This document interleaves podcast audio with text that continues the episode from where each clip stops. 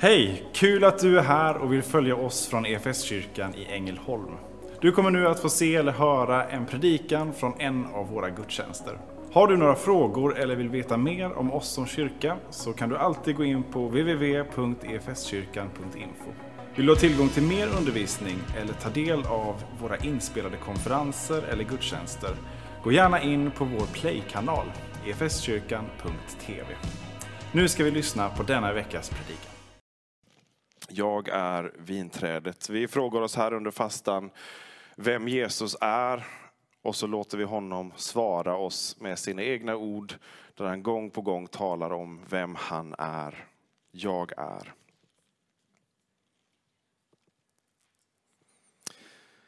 Vi läser från Johannes evangeliet kapitel 15.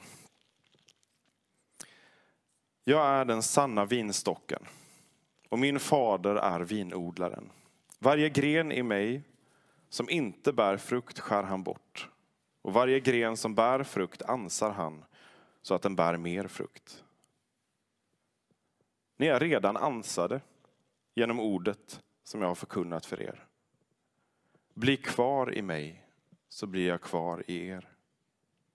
Liksom grenen inte kan bära frukt av sig själv om den inte sitter kvar på vinstocken kan inte heller ni göra det om ni inte är kvar i mig.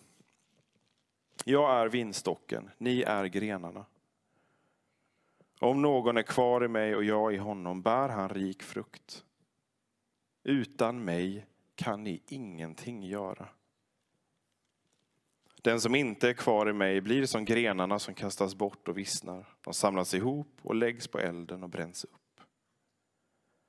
Om ni blir kvar i mig och mina ord blir kvar i er, så be om vad ni vill och ni ska få det. Min fader förhärligas när ni bär rik frukt och blir mina lärjungar.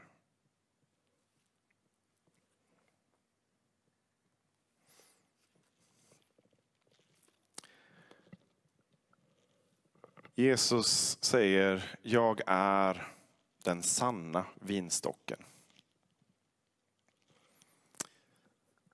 Då kan man fråga sig, då, i kontrast till vad då? Vad är den falska vinstocken? Genom hela Gamla Testamentet, gång på gång, så beskriver profeterna hur Gud talar om Guds folk som en vinstock som är planterad av Gud för att bära god frukt. Så vinstocken är en välkänd bild för Israels folk. Men gång på gång när den här bilden används så är det inte bara med den vackra visionen om en vinträdgård som grönskar och som bär god frukt och som eh, ger gott vin att dricka, utan det är också på flertalet ställen så är det en vision som målas upp för att den är trasig och bruten. Därför att den frukt som har vuxit fram hos folket inte är det här goda, söta, mustiga, fylliga vinet som ger glädje och värme. Utan det är sur frukt. Det är dåliga druvor. Om det ens är någon frukt. En bild för hur Guds folk inte klarar att vara sant inte klarar att vara sant mot Gud, inte klarar att vara trofast mot Gud, utan istället är trolöst. Gång på gång så kommer den här lovsången som samtidigt också är en klagan. En lovsång till Israels Gud som har fört dem ut ur Egypten, ut ur slaveriet och som har närt dem och fött dem under 40 år i öknen där de inte saknade någonting. Och ändå så kommer klagan över att vi, våra förfäder, ändå så övergav vi dig och önskade oss tillbaka till slaveriet i Egypten. Ett trolöst folk. En vinstock som inte är sann i det att han är trofast. Och här talar Jesus om sig själv som den sanna vinstocken. Han är trofastheten själv. Han är den sanna vinstocken i kontrast till den trolöshet som har präglat de som Gud har kallat och räddat. Jesus identifierar sig med Israel, med hela folket. Det här är inte ett avståndstagande på det sättet att det där är falskt, nu skrotar vi det, här kommer något annat. Utan här är fullkomnandet, här är det så som det har tänkt att vara. Ni klarar inte det. Jag gör det. Jag är trofast när ni är trolösa. Jesus förkroppsligar Guds folk och blir den port som vi har hört om tidigare som de behöver gå igenom. Den herde som för de förvirrade trolösa fåren framåt. Jesus är också visionen för och den som möjliggör visionen för hur det skulle vara. Ett folk som bär god frukt. Och när Jesus och lärjungarna talar om det här så är det på väg från påskmåltiden. De har precis druckit eh, vinet. Jesus har sagt att han kommer inte dricka den sista bägaren förrän han är tillsammans med dem igen i Guds rike. Och så går de och de ska till olivträdgården i ett semane. Ska man dit från eh, den delen av stan som de hade ätit måltid så antingen så passerar man på södra sidan och genom dalgångarna och passerar igenom vinträdgårdarna. Så kanske är det så att de har Jerusalems vinträdgårdar som de går rakt igenom när Jesus talar om det här. Eller så tar de en lite rakare väg över tempelplatsen. I solnedgången, skymningsljuset, kanske ser de då guldet från templet som glittrar. Och kanske ser de där de stora vinrankerna av guld som fanns där. Fasaden, ingången till templet, var draperat i vinrankor av guld. Vi ska se om vi kan få någon, någon bild på. Eh, här är en konstnär som, från Tempelinstitutet. Eh, det växte ständigt. Eh, Pilgrimer tog med sig gåvor till templet. Eh, guld som då eh, göts till druvor och till blad och kvistar. Och så hängdes det vid ingången. Och så växte det ständigt. Vi kan se nästa bild också. När det då blev när det kom mer och mer så, så hängde man det också på insidan, på den inre ingången. Så från år till år så växte det här som en påminnelse om den här kallelsen, om visionen för Guds folk. Den vinstock som Gud har planterat för att den ska bära god frukt. På det heligaste så finns den här påminnelsen om Guds folk. Eh, och Tempelinstitutet som har tagit fram de här bilderna, vi kan ta nästa bild eh, också. De har påbörjat eh, förberedelserna, kommit väldigt långt i förberedelserna för det tredje templet. Visionen om ett återuppbyggt tempel i Jerusalem. Så här har de eh, druvklasar och kvistar och löv i guld som är redo att hängas upp som en påminnelse om de här orden om Israel också i det tredje templet. Så det kan man besöka idag eh, i Jerusalem om man vill. Vi kan släppa de bilderna. Det som, om det nu är så att de går där, det vet vi inte, men det som är speciellt med, med den här prakten, Jerusalem är ju liksom det är kronjuvelen hos folket. Det är därför man går dit. Det är därför lärjungarna och Jesus är där nu. De firar påsk i Jerusalem. Man ska vara i Jerusalem, man ska vara i templet. När de kommer dit så blir lärjungarna otroligt imponerade över skimret, storheten. Och vad säger Jesus då? Här ska inte lämnas sten på sten. Låt er inte luras underförstått av det som är byggt här av människohänder. För även om det imponerar och med all sin prakt så är det inte i närheten av Guds storhet. Och det är till och med så att allt detta skulle kunna ge en, en helt skev bild. De här eh, guldlöven, det var inte ovanligt att man också då eh, med en inskription på löven eh, skrev in vem som hade skänkt den här gåvan och så fick man liksom sitt namn hängt i templet. En sån här praktfull gåva har jag fått ge. Det finns någonting i egoboosten som möjliggör någonting. Jag vet inte hur, hur många organisationer ni har eh, stött på som, som uppmuntrar till givande eh, med någon liksom belöning, kanske någon liten plakett eller något bevis, man får sitt namn skrivet i. En gång så gav jag en gåva över en viss summa därför att om man eh, gav gåvan över den summan så fick man sitt namn i nästa nummer av tidningen för den här organisationen.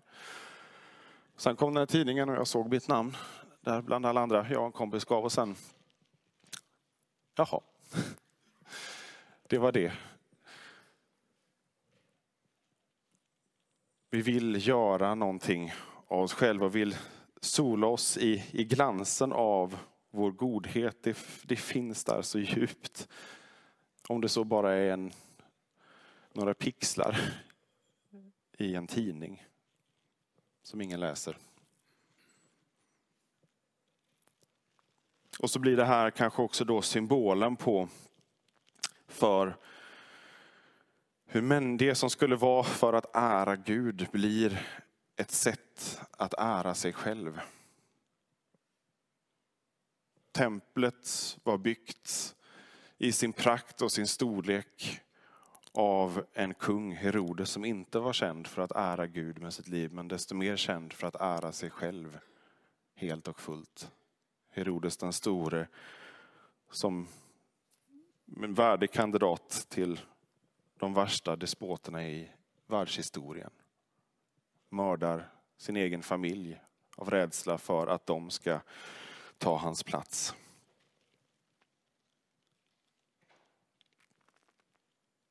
En religiös tro, discipliner, givande eller vad det än är, det kan forma det yttre och det kan, det kan fostra fram ett, ett gott beteende. En fromhet. Utan att det är i närheten av att fylla det syfte som, som det egentligen ska. Utan att Gud blir ärad. Och där jag istället är helt upptagen av hur jag uppfattas av andra människor. Jag är helt upptagen vid mitt eget ego, min egen eh, Eh, både självbild och eh, mitt, eh, min bild bland andra människor. Men jag är väldigt duktig på att klä det i fromma anledningar, fromma termer. Där jag kanske lägger upp ett inlägg om på sociala medier om någon något ställe man har varit och predikat. För att jag vill ju visa här att Guds ord kommer fram bland människor. Fast så är det egentligen för att visa hur, hur bra jag predikar, eller vad det nu kan vara. Ni fattar grejen. Det är, det är så lätt att vi klär sånt som tjänar oss själva. Som gör oss själva till den främste. Att vi klär det i i ord av fromhet. Och det är om man har då tron som ett, ett högt värde. Men det går igen i, i hela människan, i hela samhället. Hur vi gör saker. Vi kanske till och med gör saker som går emot vårt eget samvete. Därför att det är det som uppfattas som någonting gott. Det är det som, som avgör om du är en, en god samhällsmedborgare.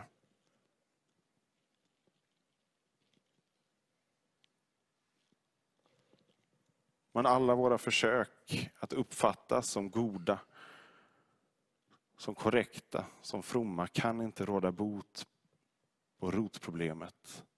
Synden i våra hjärtan som är så bedrägligt.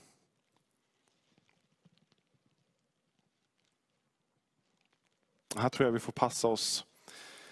Det är lätt att vi, vi fastnar på de synder som är uppenbara och som vi håller med om är synd. Och som kan vara nog så jobbiga för oss att kämpa med. vanesynder, saker som, som jag vet är fel. Som Paulus skriver, det jag vet är fel, det gör jag ändå. Och det goda som jag vill göra, det gör jag inte. Och Det kan vara en källa till djup frustration och, Eh, och vad ett problem. Men det är, jag skulle säga, våga säga att i Jesu ögon så är det, det är så försvinnande litet. Synden som blir så stor för dig, för mig, den är så liten för Jesus. Det som är så förfärande och så skamligt för dig är Jesus inte ett dugg förfärad över. Han har tagit i sin egen kropp. Han känner det. Han känner dig utan och innan. Vi har en överste präst som vet vad varje frestelse innebär. Men djävulen är intresserad av att vi blir helt upptagna vid det här. Men det som vi vet är synd, det är ju egentligen inget problem. Därför då vet vi det och då lämnar vi det till Jesus. Men det som blir bedrägligt, det är det som vi inte är villiga att erkänna. Som någon annan kanske talar om synd och som vi genast är snabba om att förklara, nej nej. Eh, det där är väl inte, det där är inte så farligt. Timothy Keller, en pastor i New York, eh, han har sagt det att det som det bästa sättet att avslöja en avgud i sitt liv är att se vad det är man är snabbast att försvara. När någon annan påpekar att det är någonting dåligt. Vad är jag snabbast att försvara, att rättfärdiga? Att inte acceptera att det skulle vara någonting som inte är gott. Där blir det svårare. Vad är jag beredd att försvara med näbbar och klor för att få fortsätta upphålla som en god del av mitt liv.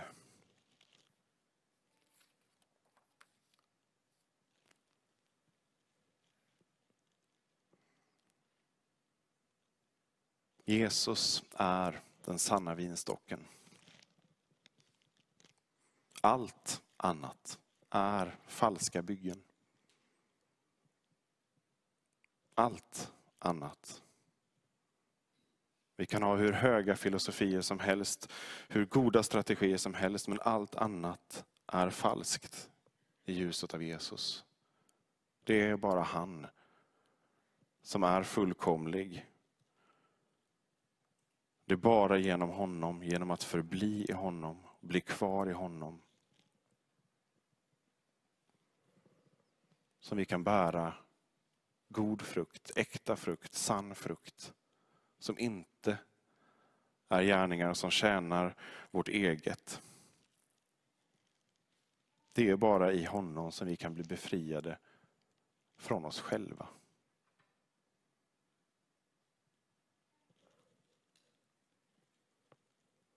Bli så till sinnes som Kristus Jesus var, skriver Paulus i Filipperbrevet. Vi behöver förbli i Jesus. Bli kvar. Varför säger Jesus det?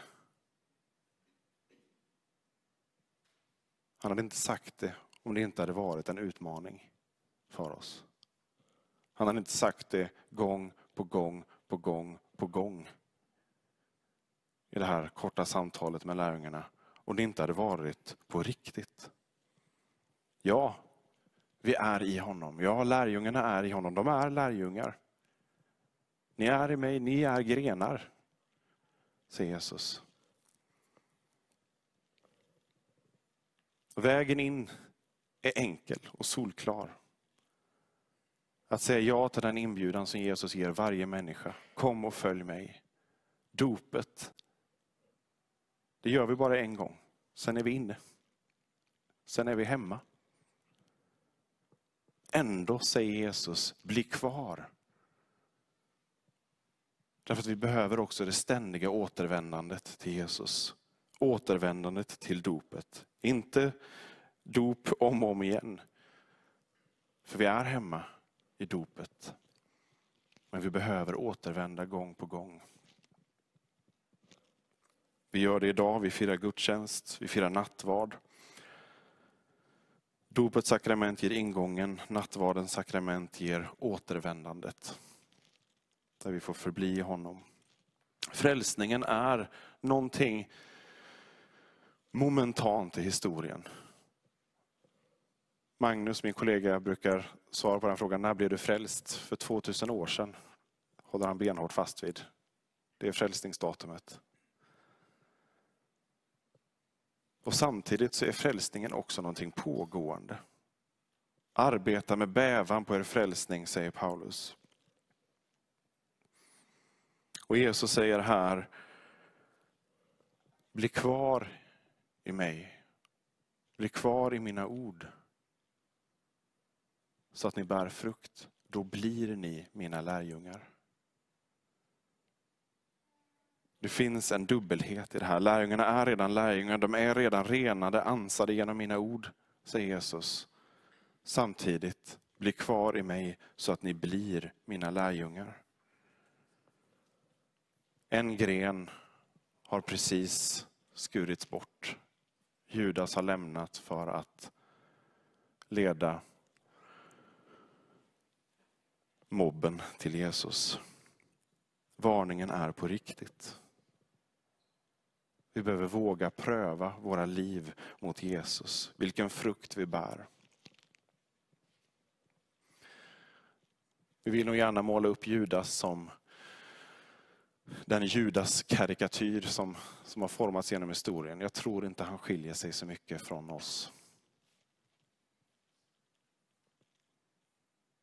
Någon har påpekat att han bara såg en chans och tjäna en liten extra slant. Tjäna sig själv förvisso. Övertygad om att Jesus skulle lösa det precis som alla andra gånger. Som han har löst saker mirakulöst. Goda intentioner. Men med förödande konsekvenser. Så prövar vi våra liv. Vilken frukt bär vi? Liknade Jesus? Doftade av Jesus? Och våga pröva våra motiv i det. Allt det jag håller för gott i mitt liv, vad är mitt motiv i det? Vem tjänar jag med det här? Är det Gud? Är det min nästa?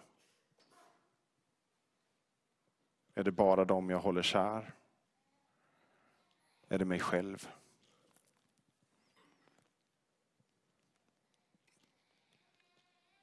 Den frukt som mitt liv bär skänker det glädje åt människor. Det första undret som Jesus gör, vinundret, bröllopet i Kana. Han förvandlar 600 liter vatten till vin mot slutet av festen. Till människors glädje. På hans mors Marias uppmaning. Det vi får för våra händer, förvandlas det till någonting som blir till glädje för människor till någonting som blir bättre därför att vi låter Jesus ta plats. Vilken frukt bär mitt liv?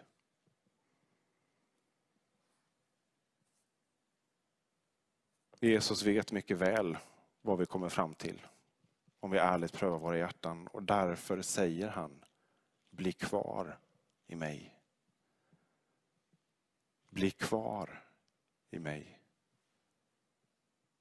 Bli kvar i mig.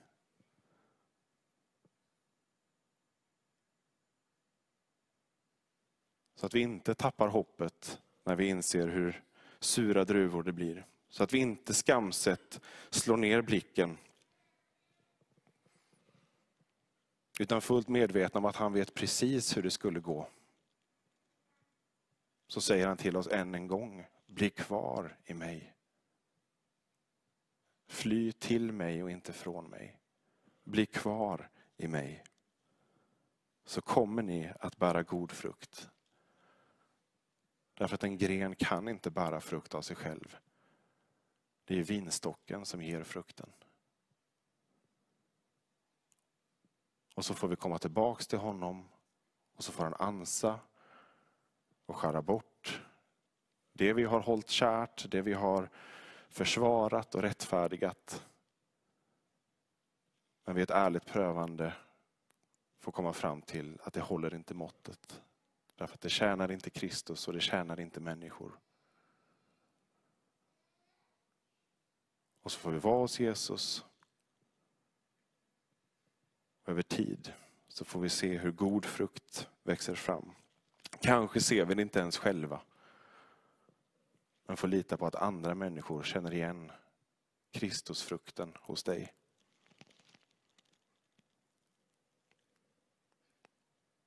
Vi får söka honom, vi får möta honom och gång på gång återvända till honom. I gudstjänsten blir det tydligt i syndabekännelsen. Ännu tydligare blir förenandet med honom och varandra som en enda kropp när vi får del av ett och samma bröd och när vi dricker ur samma kalk. Och idag så firar vi bebådelsen också. Nio månader kvar till jul. Idag ägde inkarnationen rum. Gud blev inte människa vid jul. Han blev det vid Marie bebådelse. Där tar sonen sin plats som ett embryo.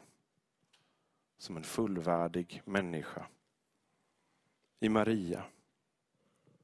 Jesus tar plats i skapelsen tack vare hennes enkla lydnad. Mitt i hennes rädsla. Vi får ta emot Jesus. Vi får ta emot honom i nattvarden. Vi får be att han tar plats i våra liv. Genom vår lydnad. Och så får vi se att det växer fram frukt som blir människor till glädje. Därför att Jesus är den sanna vinstocken. Som kyrka är det en glädje att få spela en liten roll av allt Gud gör i och genom ditt liv. Vi vill gärna fortsätta följa dig på den resan. Och vill du ta reda på vad ditt nästa steg kan vara på din resa med Gud så gå in på efskyrkan.info nästa steg. Vår längtan är att få se människor och samhällen förvandlade av Jesus. Genom en kyrka som återspeglar Guds hjärta, bär varandra och betjänar människor varhelst vi befinner oss varje dag.